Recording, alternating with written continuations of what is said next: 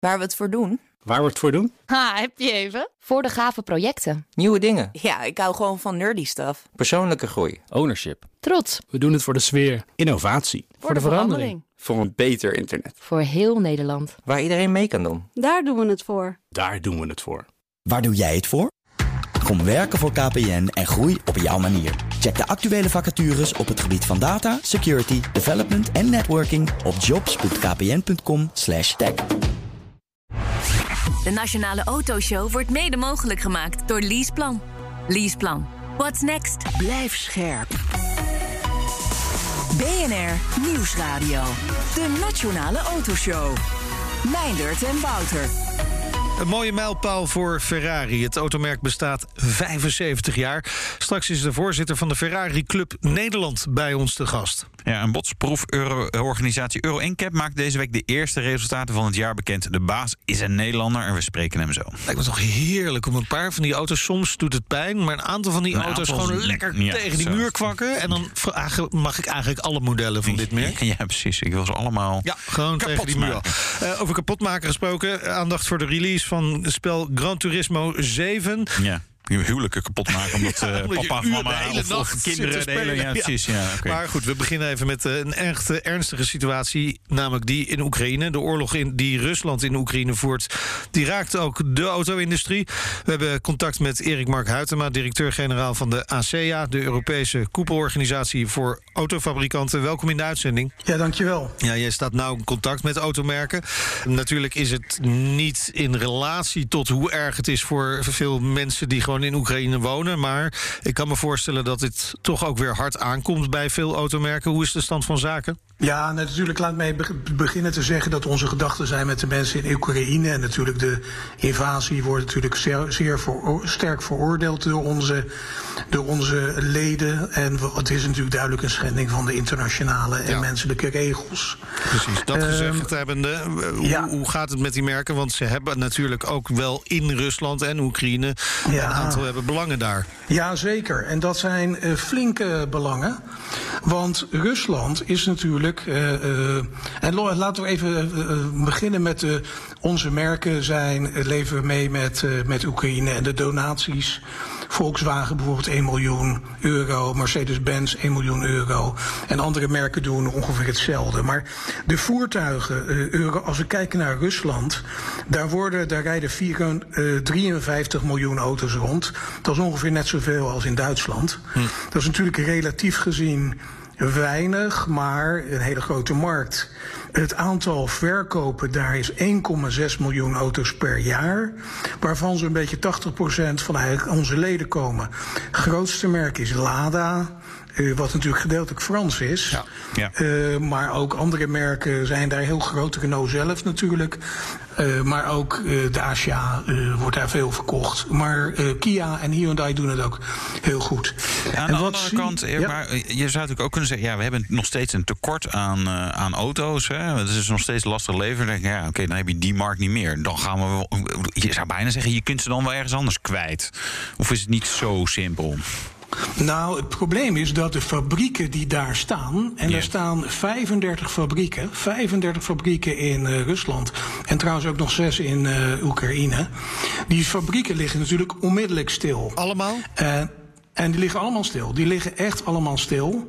En er zijn nu nog, en dat is een beetje de, de bange, bange, eh, het bange wat er boven de markt hangt. Het zou zelfs kunnen zijn dat die fabrieken ook in sommige gevallen niet meer open gaan. Ik heb eh, gisteren met Ford gesproken. En die zeggen tegen mij: wij gaan onze fabriek hebben we meteen dichtgegooid. En die gaan we ook niet meer open doen. Oké. Eh, er zijn ook een aantal fabrieken waarvan het gerucht nu gaat dat Rusland ze gaat confisceren met een mooi woord. Voor het gebruik van ja, eh, voor oorlog eh, Ja, materieel. Ja. Ja, fabrieken, hè, is, vrachtwagens worden vrij veel vrachtwagens gemaakt in Rusland. Eh, Volvo heeft een grote fabriek. Ja, die vrachtwagens kunnen ze natuurlijk prima gebruiken als die toch wat mindere Russische vrachtwagens het af en toe begeven onderweg. Ja, Ja, dus dit, dit gaat wel uh, impact hebben, zeg maar. Het is, het is niet alleen uh, Rusland als automarkt, maar ook als, als uh, autoproducent. Maar ook volgens mij to, hè, toelevering van, van onderdelen. bijvoorbeeld ja. ook Oekraïne, hè, kabelbomen volgens mij voor BMW of iets dergelijks. ik weet niet meer welke ja, naam precies was. En Volkswagen ja. en, en andere merken. Ja, BMW, Porsche, Mini die kabelbomen, maar ook motoren worden er gemaakt in Oekraïne. En dat weten ze hartstikke goed.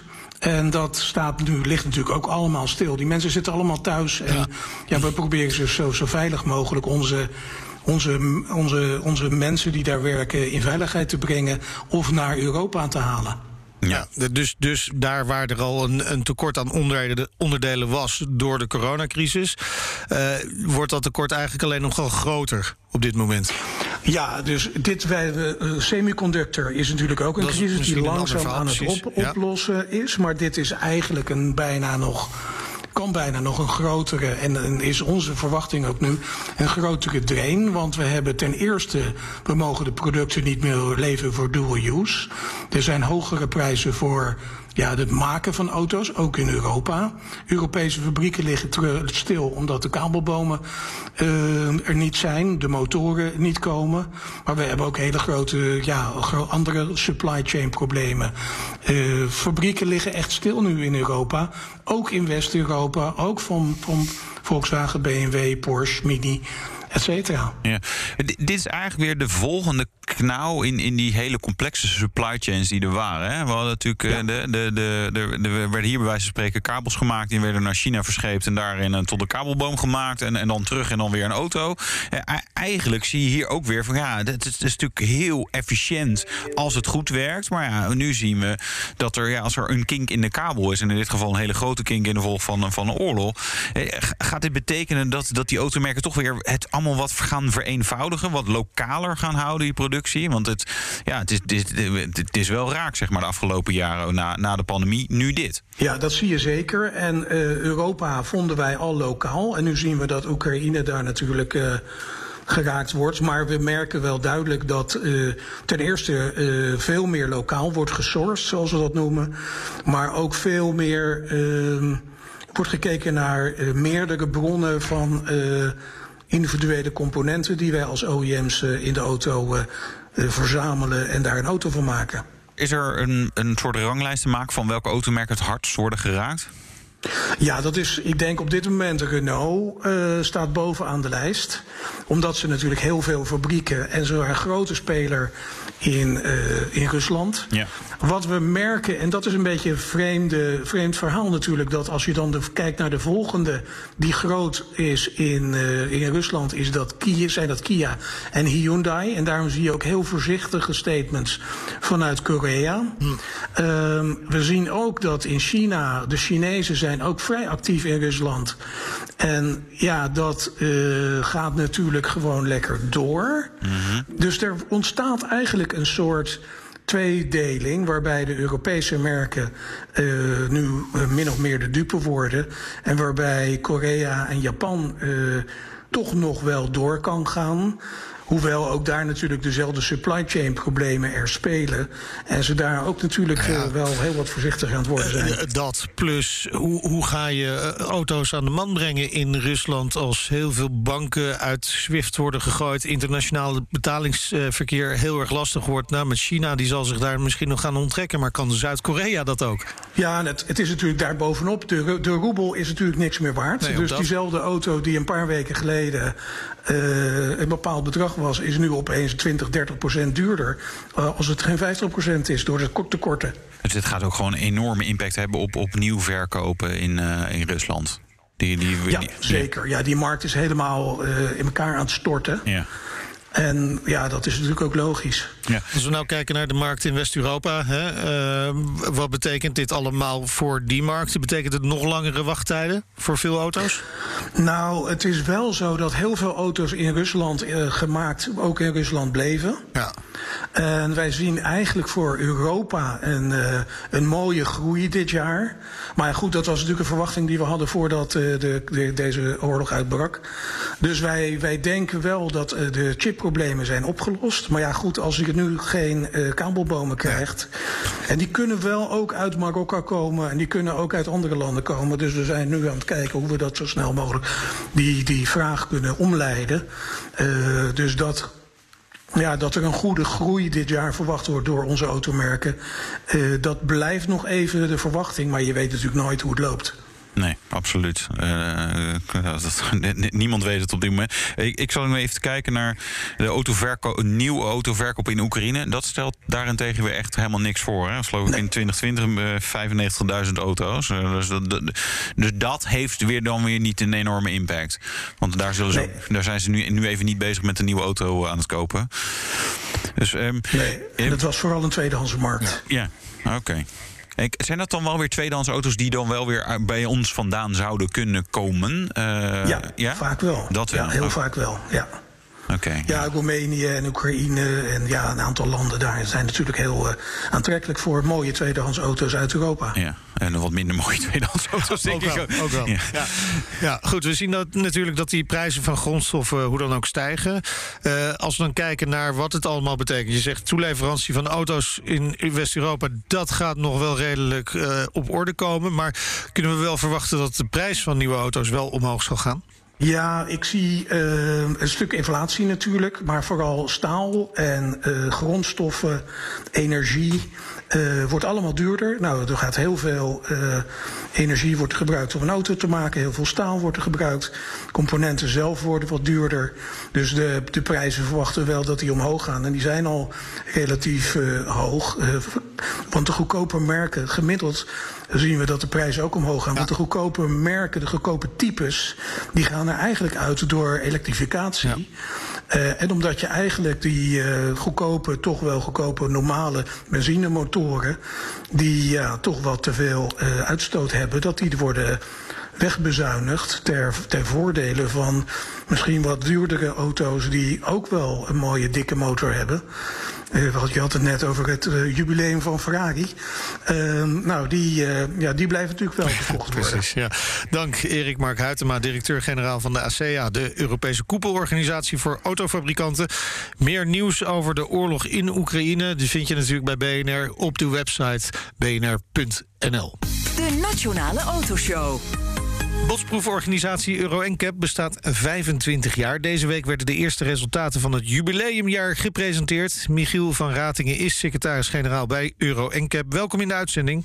Ja, jullie hebben weer, uh, ja, mooi. Jullie hebben weer uh, scores uitgedeeld. Hoe, hoe zijn de resultaten? Ja, de resultaten zijn eigenlijk uh, best goed deze keer weer. Dus we zijn redelijk tevreden.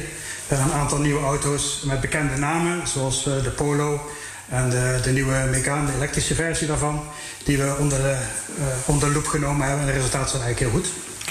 Ja, maar die, die hebben allemaal allebei de hoogste score gehaald, hè? Uh, vijf, uh, vijf sterren. Dat klopt, ja. ja. ja. tegenwoordig is het systeem natuurlijk heel anders dan, dan 25 jaar geleden. Laten we daar maar direct even op induiken. Want eigenlijk is er van het originele systeem eigenlijk heel weinig over.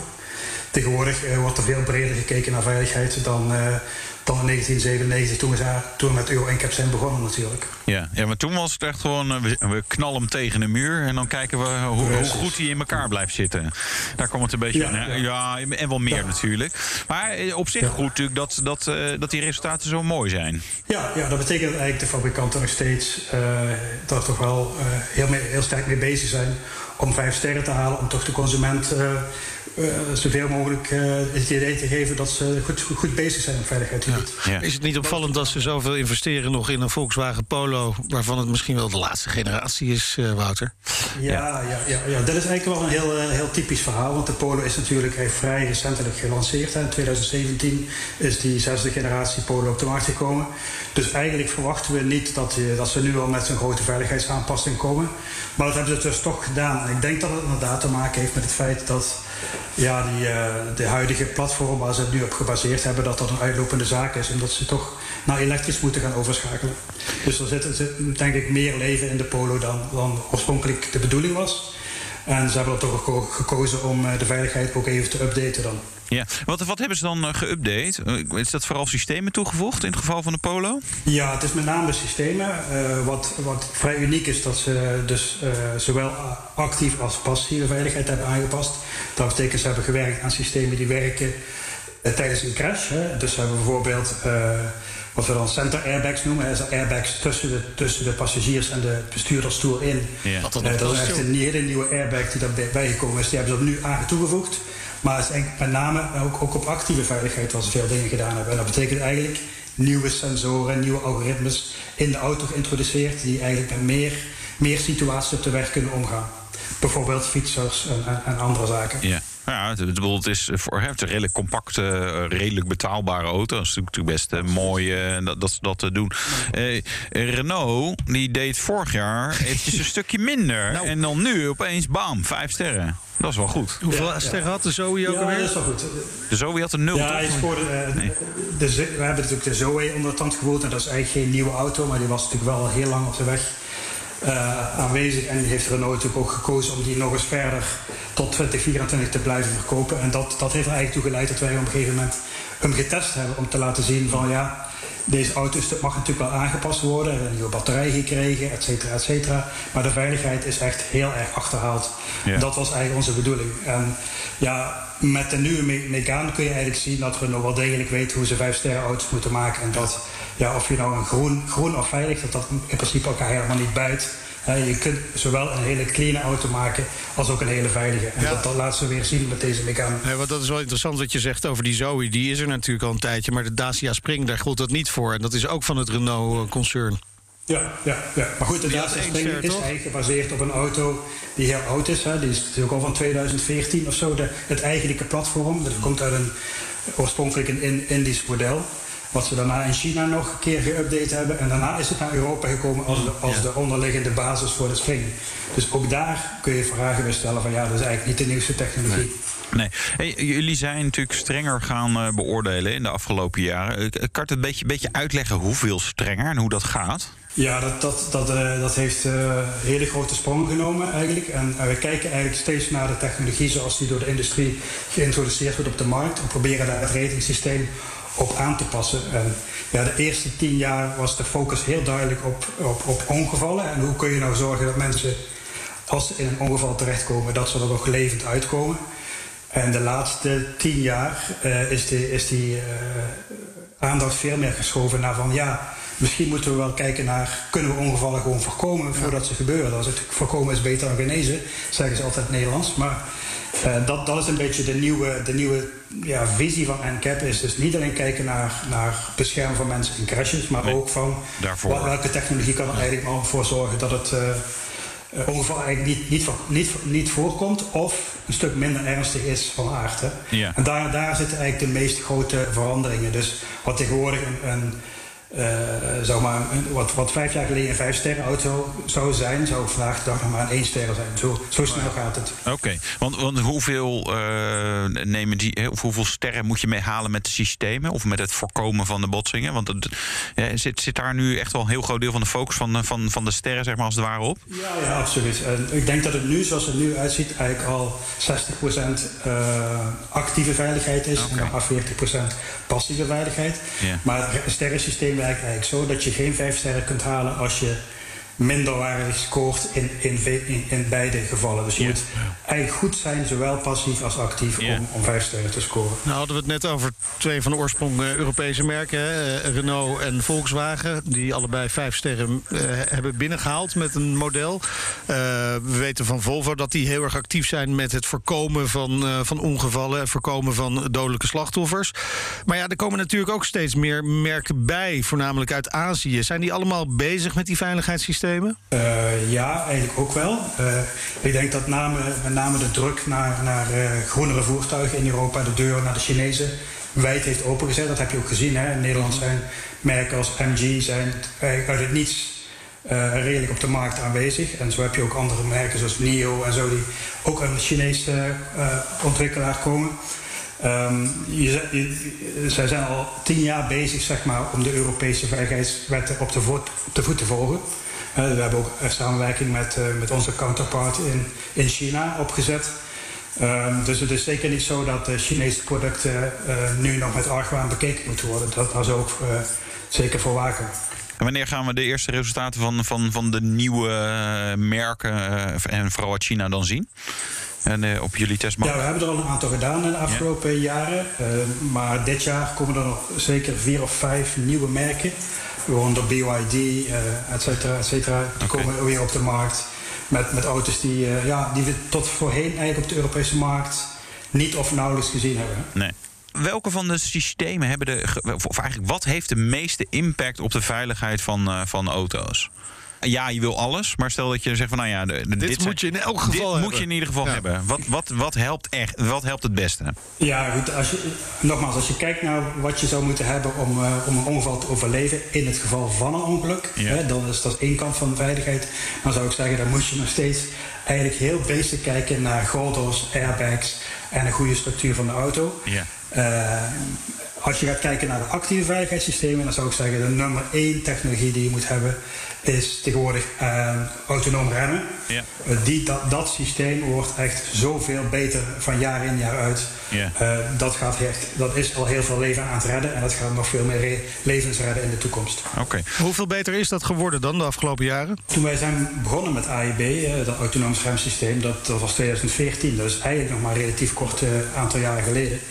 Toen was het eigenlijk alleen mogelijk om te remmen als je een achterrijdend, uh, als je achter een andere auto aan het, aan het rijden was, bij wijze van spreken, dan stopte jou voordat je uh, uh, in een botsing terecht kwam. Tegenwoordig zijn die systemen zo ontwikkeld dat ze kunnen rekening houden met, met voetgangers, met fietsers. Vanaf volgend jaar gaan wij ook testen uh, met motorfietsen. Dus die gaan die systemen gaan ook motorfietsen herkennen. Oh. Uh, we hebben uh, toepassingen die te maken hebben met zeg maar rechts afslaan, naar links afslaan. Dat ze niet voor een andere auto gaan rijden. Dus die, ja, het, het, het, het scala van, van potentiële ongevalscenario's, zoals we dat dan noemen, is, is elk jaar wordt dat groter en groter en groter. En, en daarmee dus ook de, de impact die ze op de, op de veiligheid hebben op de weg. Ja.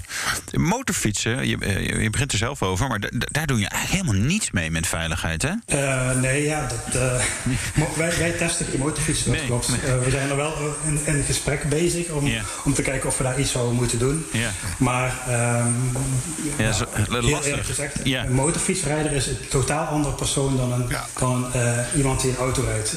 qua mentaliteit. Ondanks geleerd dat je dus motorkleding hebt met airbags erin. Ja, dat klopt, ja. ja. ik noem wel het potentiële orgaandonoren motor, ja, nee, motorfietsen. Ja, dat, motorrijden. dus, dus meer mensen motor gaan rijden, want dat hebben ze nodig. Goed. Um, dat soort systemen zitten natuurlijk steeds vaker ook standaard in auto's, hè? Uh, ja, dat klopt. Ja. Dus wij, wij drukken heel erg hard op de industrie dat als ze iets willen in, de, in het vijfsterren systeem willen inbrengen. Hè, dus als we dat in een test moeten meenemen, dan moet het eigenlijk standaard zijn op de Europese markt. Wij kijken eigenlijk niet naar optionele systemen, omdat ja, daarmee hou je de consument een beetje voor de gek. Hè, door, door een vijfsterren auto te geven en dan zeggen van ja, maar je moet wel al die systemen even kopen, want anders dan is het geen vijfsterren. Ja, ja, ja, dus we proberen daar toch heel duidelijk en heel helder in te zijn. Wil je vijf sterren hebben, dan moet alles gewoon standaard zijn op de auto. Wat niet wil zeggen dat er ook nog optionele systemen bestaan natuurlijk. Uh, maar die worden dan niet door ons uh, mee geëvalueerd. Uh, Euro NCAP 25 jaar. Ja, ik heb hier een vraag er staat van ja, de, ja, hoe groot is jullie impact op verkeersveiligheid geweest? Volgens mij waanzinnig groot. He, ik, ik kan me herinneren, de eerste Euro NCAP crashtest. Ja, die auto's die vouwden echt op. Er was echt... er bleef niet veel van over. Nee, er was grote verschillen tussen merken. Dus ik, ik, ik, ik, ik denk dat jullie jezelf wel op, op de schouder kunnen slaan van nou, we hebben, we hebben echt heel veel gedaan. Maar misschien ook nog nooit... In, dat ook klopt nog, ook wel, hè? nog lang niet klaar, of wel? Nee, nog lang niet klaar. Dat is, dat, ja, dat is maar hoe je het bekijkt natuurlijk. Er gaan, komen heel veel nieuwe dingen aan, zoals autonoom rijden en dat soort zaken. Waar natuurlijk ook een en ander over te zeggen valt op het gebied van veiligheid. Uh, dus dat, daar ligt nog wel een heel groot uh, terrein braak waar UNCAP uh, zich in de toekomst mee bezig gaat houden. Aan de andere kant is het ook wel zo, ik neem altijd wel de, de synoniem met als je naar de, in de zee rent, hè, de eerste 100 meter of de eerste 15 meter ren je lekker door en dan kom je half in het water te staan, dan kun je het ook minder, minder snel doorlopen. En dat is eigenlijk met veiligheid ook zo. Hè. De, eerste, eerste jaren werd er snel voortgang gemaakt. Ja. Nu wordt het eigenlijk veel meer een nuancezaak. Ja. Uh, wat niet wil zeggen dat het, dat het niet, niet uh, de moeite waard is. Maar dit wordt gewoon alsmaar moeilijker met alle, alle te uh, technieken die, die op de auto zitten. om nog maar te zwijgen over de software natuurlijk. Zo is dat. Ja. Daar kunnen we nog uren over doorpraten, denk ik. Dank Michiel van Ratingen, secretaris-generaal bij Euro NCAP. En zometeen... 75 jaar Ferrari! Kijk, en we spreken zo uit als de Euro NCAP. Ja, uh, ja, hebben ze ooit een uh, Ferrari getest bij Euro NCAP? Vraag me volgens mij niet. Uh, maar goed, we spreken zo Ferrari Club Nederland. En we gaan het hebben over het racespel Gran Turismo 7. Wij gaan het hele weekend met een VR-bril, denk ik, op, op ons hoofd zitten. Ja, als je ergens een PlayStation kan met vinden. Met een zak chips tussen ons beiden ja, in. Ja, precies. Heerlijk. Wel. Gamen is wel lekker. Ja. Zin in. Nou, tot, tot zo. BNR Nieuwsradio. De Nationale Autoshow. Meindert en Wouter.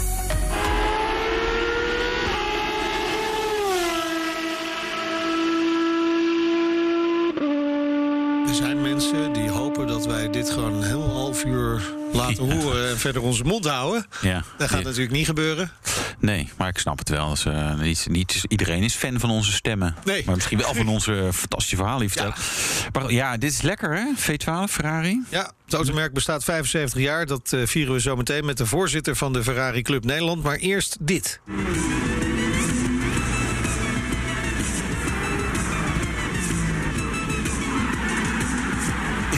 Heel oud? Of hebben ze dit nou nog steeds?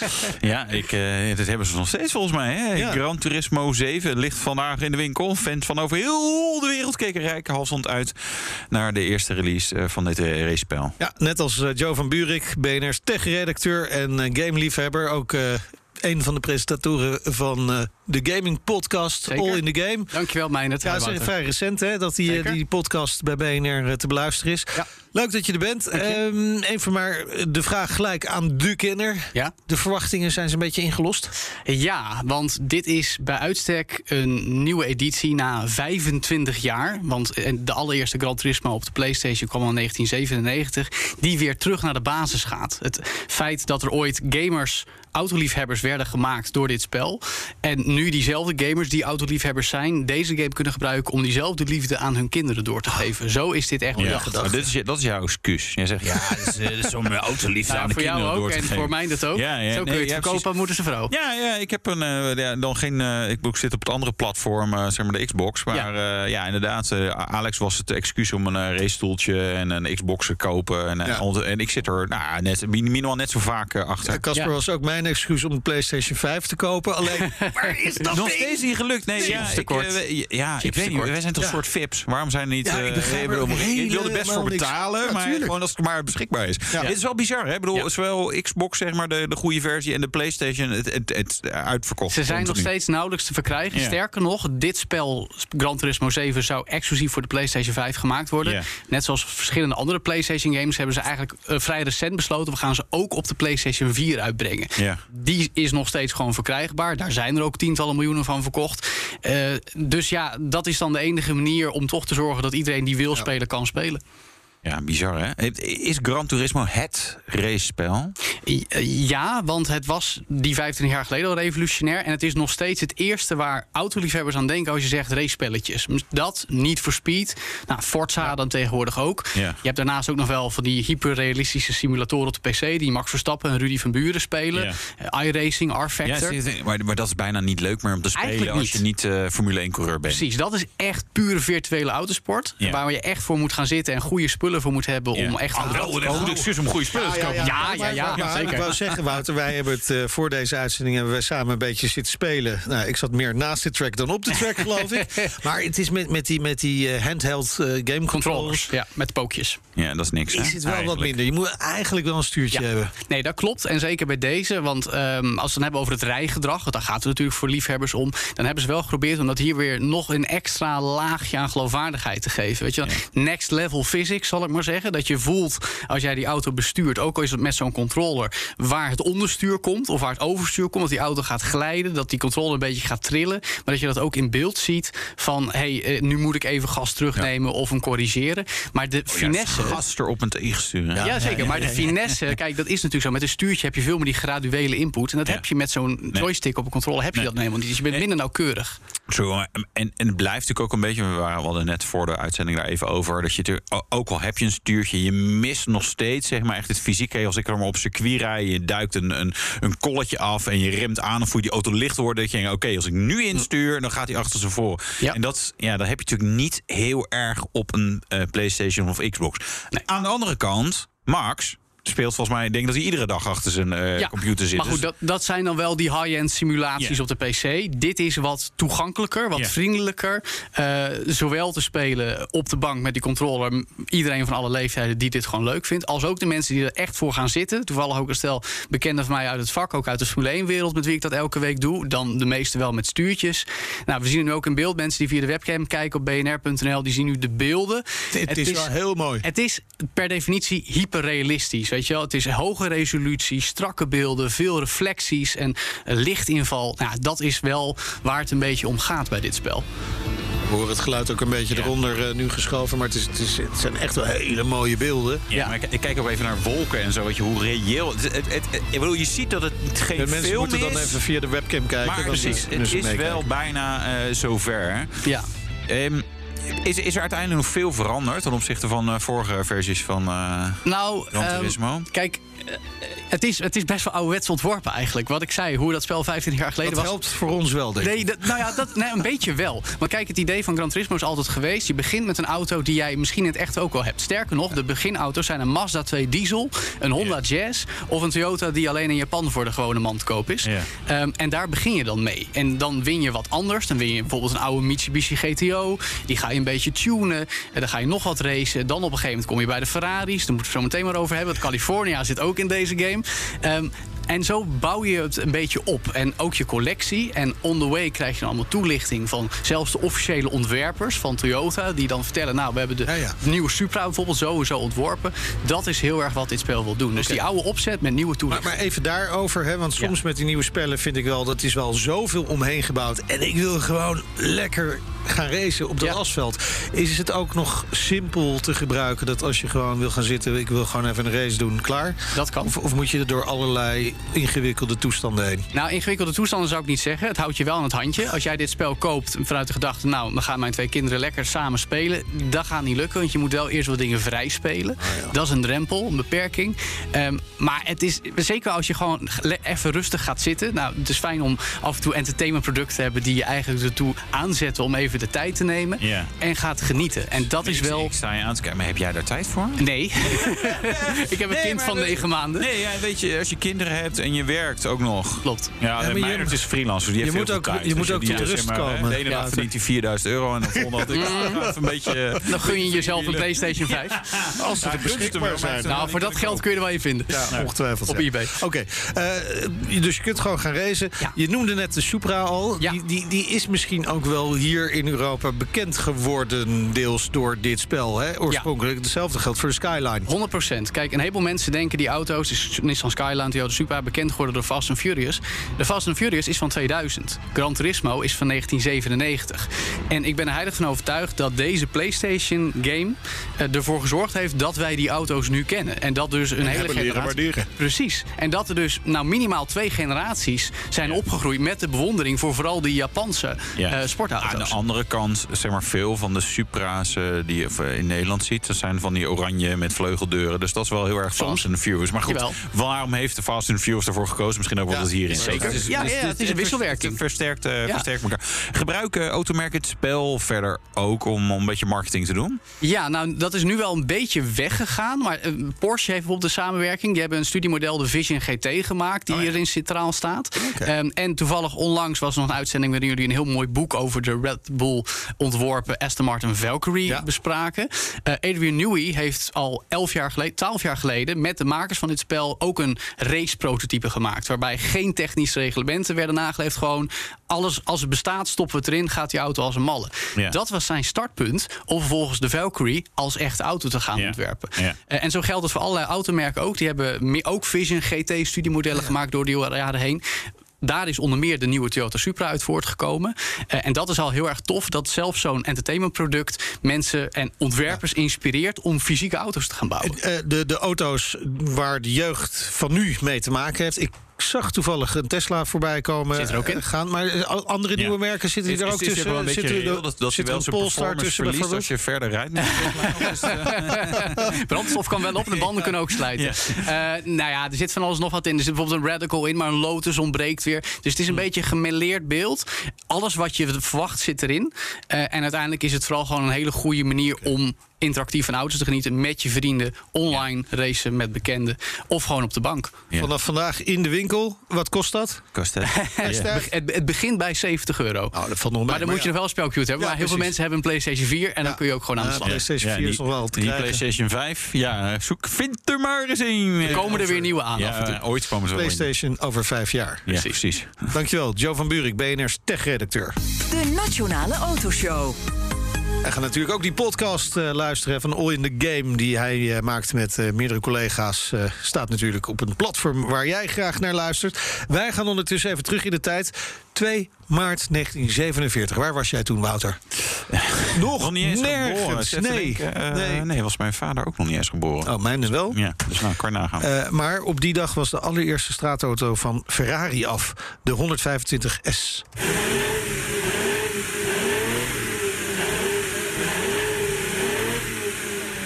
Klinkt een beetje als mijn grasmaaier als ik die had. Ja, ik zit even te denken. Volgens mij is dat ook een hele kleine 12-cilinder, toch? Eh, Jij kijkt meteen even ja, ja, Mudde aan. is voorzitter van de Ferrari Club Nederland. Ja, die parate feitjes heb jij natuurlijk allemaal. Het is toch een anderhalf liter eh Ja, ik zou zeggen eh, eh, 12 keer 125, hè? dan Ja, je ja, ja, nou ja, kijk. heel goed. 1,5 liter Ja. was dat destijds. En de S stond voor sport, hè? Ja, ja uiteraard. Ja. Welkom, leuk dat je er bent. Deze week precies 75 jaar geleden is dus die eerste straatauto van Ferrari eh, van de, band afgerold. Ja, dat Eh, klopt. Ja, band.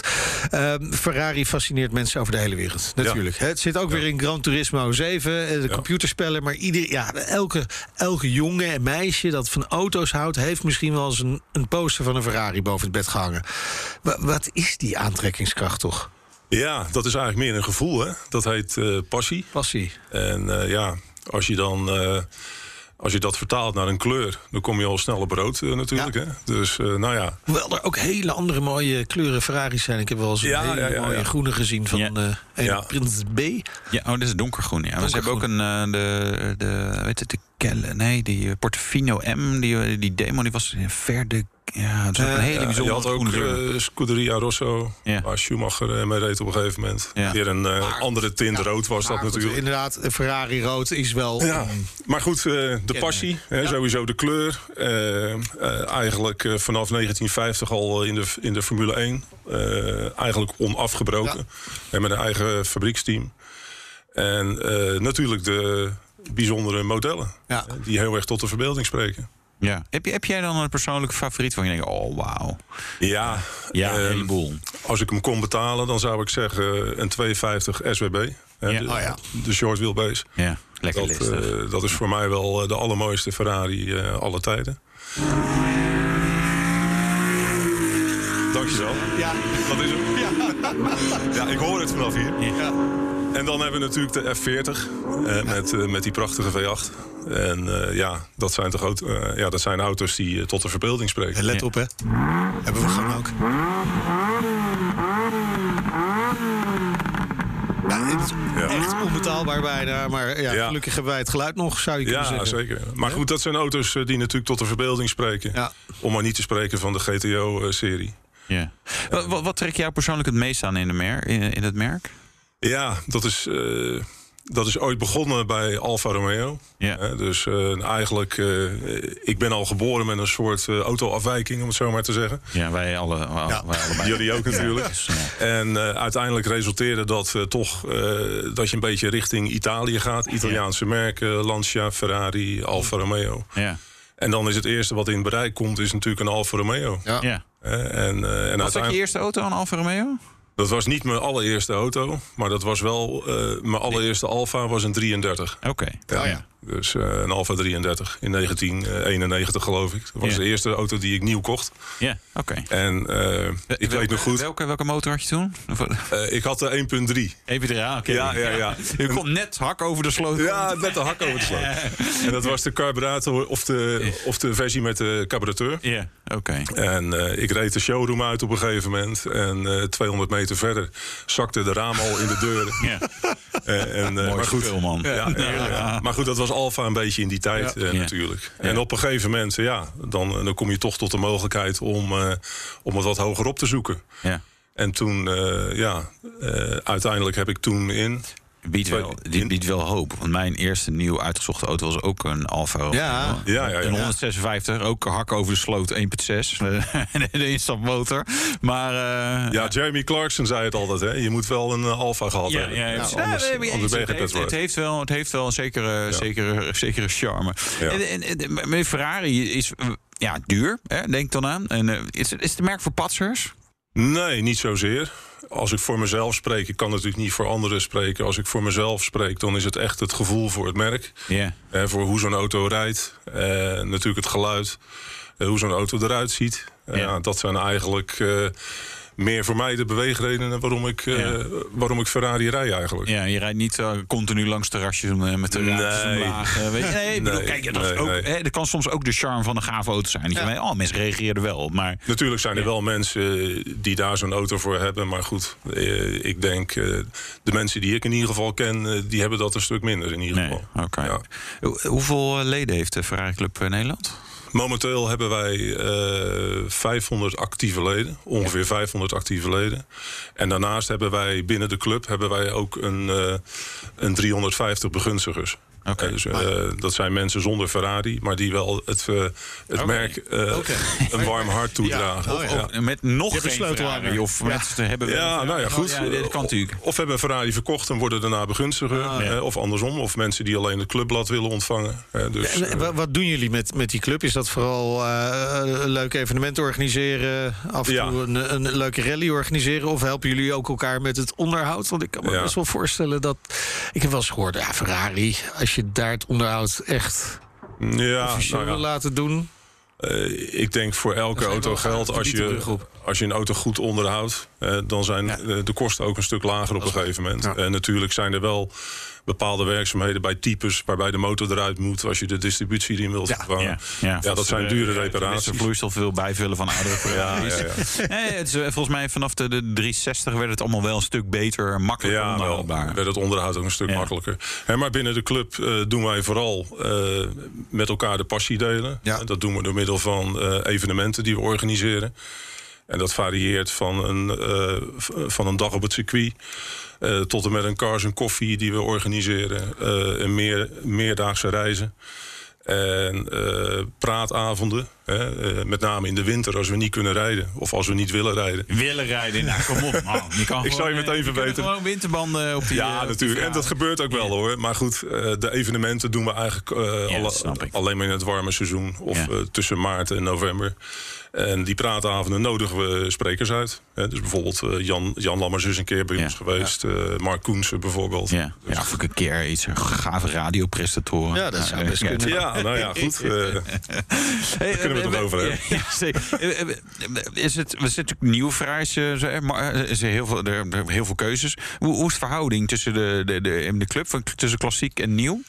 Ehm, nou, vooropgesteld, wij zijn de officiële club in Nederland. Hè, dus ook Ja. erkend door eh, Ferrari zelf. Ehm, daardoor zijn er ook eh, eh, leden van het eerste uur. Hè, die hebben vaak toch ook een wat oudere Ferrari. Hè, dat, noemen we, dat, dat noemen we dan een klassieker. Ja. Er is een verschil tussen klassiek en oud. Hè. Dus, maar auto's zijn zoals om ze 10 of 15 jaar. Dan, dan vinden we auto's een beetje oud. En dan, Wij noemen dat dan- klassiekers. Ja, en, dan, en op een gegeven moment worden klassiekers. Wij noemen dat klassiekers. Ja. En sinds een tijdje hebben we ook de youngtimers in de club. Ja.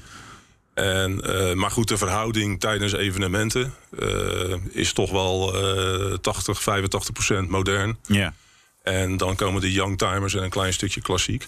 Maar we organiseren ook evenementen speciaal voor klassiekers. Ja. Dus dat doen wij ook. Ja, ja. En dan, maar dan mogen de moderne rijders weer niet komen. Of mogen die wel komen, maar aan de zijlijn. Ze zijn altijd welkom, hè, maar zonder auto. Ja. ja. huur maar wat. Ja. Eh, wat, is de meest, eh, wat zijn de meest bijzondere Ferraris in de club? Ja, goed. eh, eh, dan ga je... Bijna vragen naar je persoonlijke voorkeur, hè? Want Dan ga je toch naar klassiek eh, uiteindelijk. Hè, de, eh, de types die ik net al noemde. Hè, de 250 SWB, de F40. Ja, dat vind ik persoonlijk vind ik dat eigenlijk wel de mooiste Ferraris. Ja. Maar je hebt ook een aantal van die Ferraris. hè, Zo'n 250 SWB is volgens mij ook gewoon tientallen miljoenen hè, om te kopen. Valt die nog ooit mee? Die laten horen. Kan me voorstellen dat je een, een eh, ah, 40 is inmiddels ook al wel behoorlijk duur. Maar, die, eh, maar soms zo'n auto wordt zo duur. Durven mensen er nog mee te rijden? Denken ze, nou, ik ga die juist mee naar een clubdag. Of denken ze, nou, deze laat ik even in de kelder staan. Ja, we zien ze bij bepaalde evenementen zien we ze wel. Ja. En eh, er zijn clubleden die eh, bijvoorbeeld met een, eh, met een eh, 330 Lusso komen. Ja, Ja. Die, die daar ook gewoon mee rijden. Of met een 275 of iets Ja. dergelijks. Dus dat zijn, dat zijn wel echt wel rijdende auto's. Ja, Maar natuurlijk, met het stijgen van de prijzen... Ja, eh, neemt ook de voorzichtigheid toe. Ja, aan de andere kant, als je schade rijdt, het kan altijd uit om het te repareren, want hij is heel Ja. veel waard. Hij is nooit uit te. En we hebben het natuurlijk over hele mooie auto's. Maar wat is, wat is nou de allerlelijkste Ferrari? Waarvan je zegt als iemand zich dat aanmeldt kan hij niet lid, zeggen. Dat als kan iemand niet zeggen, aanmeldt als lid eh, en die zegt ja. deze Ferrari heb ik, dat je zegt nee, Nee. sorry, er is geen ruimte meer dit jaar. Nee, daar kan ik geen uitspraken over doen. Eh, ik vind sowieso elke Ferrari vind ik heel mooi. En ja, ja goed, er zijn natuurlijk eh, bepaalde de- voorkeuren. Zijn Ja, je hebt de jaren 80 Ferrari Mondial en zo. Dat zijn niet de meest mooie, maar toch, ik laatst zag ik er een rijden. Toen dacht ik, ja, maar het heeft wel... Het is niet per se schoonheid, maar wel heel gaaf of zo. Je ziet wel gewoon, weer, maar het is iets bijzonders. Nou, Dus, het eh, kan natuurlijk zijn dat er in, toekomst, in de toekomst een Ferrari aankomt waarvan je denkt, nee. Nee, ja. ja. die kan als bagageauto fungeren. Precies. Ja, bedoelt die, eh, die, die auto. bedoel ik. Je gaat naar de SUV, Ja, eh, toe, SUV, ja. Ja. Ja, ja, ja, ja. Ja, dat is leuk. Kan, je- kan je iedere dag in een eh, Ferrari rijden. Nou, de SUV, ja. Ja, vind, vind, vind, vind je dat mooi? Vind je dat gaaf dat Ferrari daarmee komt? Of zeggen we nou... Eh, ja. Ik moest er bij andere merken heel erg aan, wen, eh, aan wennen. Met name bij eh, bijvoorbeeld eh, Porsche, bijvoorbeeld, eh, Ja. Lamborghini. ja. Eh, eh, nu komt Ferrari, kan natuurlijk niet achterblijven. Hè, maar Ja, ik, kan- dat echt niet? ik heb de foto's wel gezien. En eh, f- het gaat wel een beetje richting een FF. ja. GTC eh 4 Lusso volgens Ja, mij. ja, en tegenwoordig ja, ja, ja, dat is ook gewoon een vierwiel aangedreven Ja. met een grote kofferbak. Nou, En wat ik ervan- omhoog knallen en dan heb je een, een SUV. Ja, en wat ik ervan heb gezien, eh, ik vind het niet echt, echt heel lelijk of zo, of uitgesproken. Nee. eh, ik krijg er ook niet hele warme gevoelens van, volgens mij. Nou, het is niet zozeer mijn ding eh, eh, om als hobbyauto te hebben. Maar, maar je zegt Ferrari kan natuurlijk niet achterblijven, maar heeft een merk als Ferrari dat ook echt nodig? Dat is maar de vraag natuurlijk. Ja, Het gaat hartstikke goed met Ferrari. ja eh, de productieaantallen zijn nog steeds beperkt. Hè? Die zijn nog steeds gelimiteerd. Eh, en eh, ja, ik denk dat zij toch wel mee, mee willen in de vraag. Ja, nee, ik kan me voorstellen dat het financieel een fantastisch succes wordt hoor. Als Ja. Ferrari met een SUV komen. Maar de vraag is nog steeds: ja, hebben ze het nodig? Nou, ik denk het niet. Nee, ik denk dat het niet zozeer eh, nodig is. Alleen Ferrari is natuurlijk ook een eh, commerciële organisatie. Eh, Ja. En Ja. wat ik al zei, ja. zij willen toch aanbieden wat, wat er ook gevraagd wordt. Ja. Nou staan we hier met de voorzitter van de Ferrari Club Nederland. Dus dan doen we even de wilde aanname. Je hebt er één. Of heb je er meer? Dat kan ook nog. Je, Ik heb, ik heb één Ferrari. Eén Ferrari. Dat klopt. En welke? Een California. California. Ja. Oh, mooi. Een eh, Grigio Silverstone. Is dat, is De kleur. Ja, ja, ja, dat is, eh, wat do- is dat lichter, donkerder? Nee, is een beetje gezien een keer. Dus ik- titaniumgrijsachtig. ja, ja, dat is een beetje, Ja. een beetje middengrijs. Ja, ja, ja. Mooi. Dus dat is je eerste Ferrari? Of? Nee, ik heb in 2003 heb ik mijn eerste Ferrari gekocht. Dat was een, eh, eh, een GTS Turbo. Ah, kijk. Ook leuk. 75 jaar Ferrari. jullie gaan het vieren natuurlijk met de club. Wat gaan jullie doen? Eh, wij gaan het niet zozeer vieren, zeker gezien de ontwikkelingen die er op dit moment zijn. Ja. Eh, we staan wel in de startblokken om met onze evenementen weer van start te gaan. Na twee jaar eh, corona natuurlijk. Ja. Eh, maar we zullen er zeker aandacht aan besteden. Maar ik denk wat meer ingetogen. Ja. En via ons clubblad waarschijnlijk. Dankjewel voor je komst. Jaap Mudde, voorzitter van de Ferrari Club in Nederland. En dit was de Nationale Autoshow. Terugluisteren kan via de site, app, Apple Podcast, Spotify... of welk platform je ook graag gebruikt. Ja, kan je lekker tijdens het gamen luisteren naar ons. Vergeet je niet te abonneren. Volg ons Twitter, Facebook, Instagram. Maar LinkedIn, daar is nou pas echt actief, hè? Ik Dus, ben eh, Meijnerd Schut trouwens. Ja? Ben oh, ben jij mijn schut? Ik vroeg me al af, wie Ja. staat er nou naast mij? Ik ben Wouter Karsen. Oh. En volgende week zijn we er gewoon weer. Jeetje. Tot, Tot dan. De Nationale Autoshow wordt mede mogelijk gemaakt door Leaseplan. Leaseplan. What's next? Ook Liesbeth Staats vind je in de BNR-app. Ja, heel handig. Luister live naar Kees en mij tijdens de Daily Move. Dan blijf je ook gelijk op de hoogte van breaking news en het laatste zakelijke nieuws. En daar vind je ook alle BNR-podcasts, waaronder de Perestrooikast. Download nu de gratis BNR-app en blijf scherp.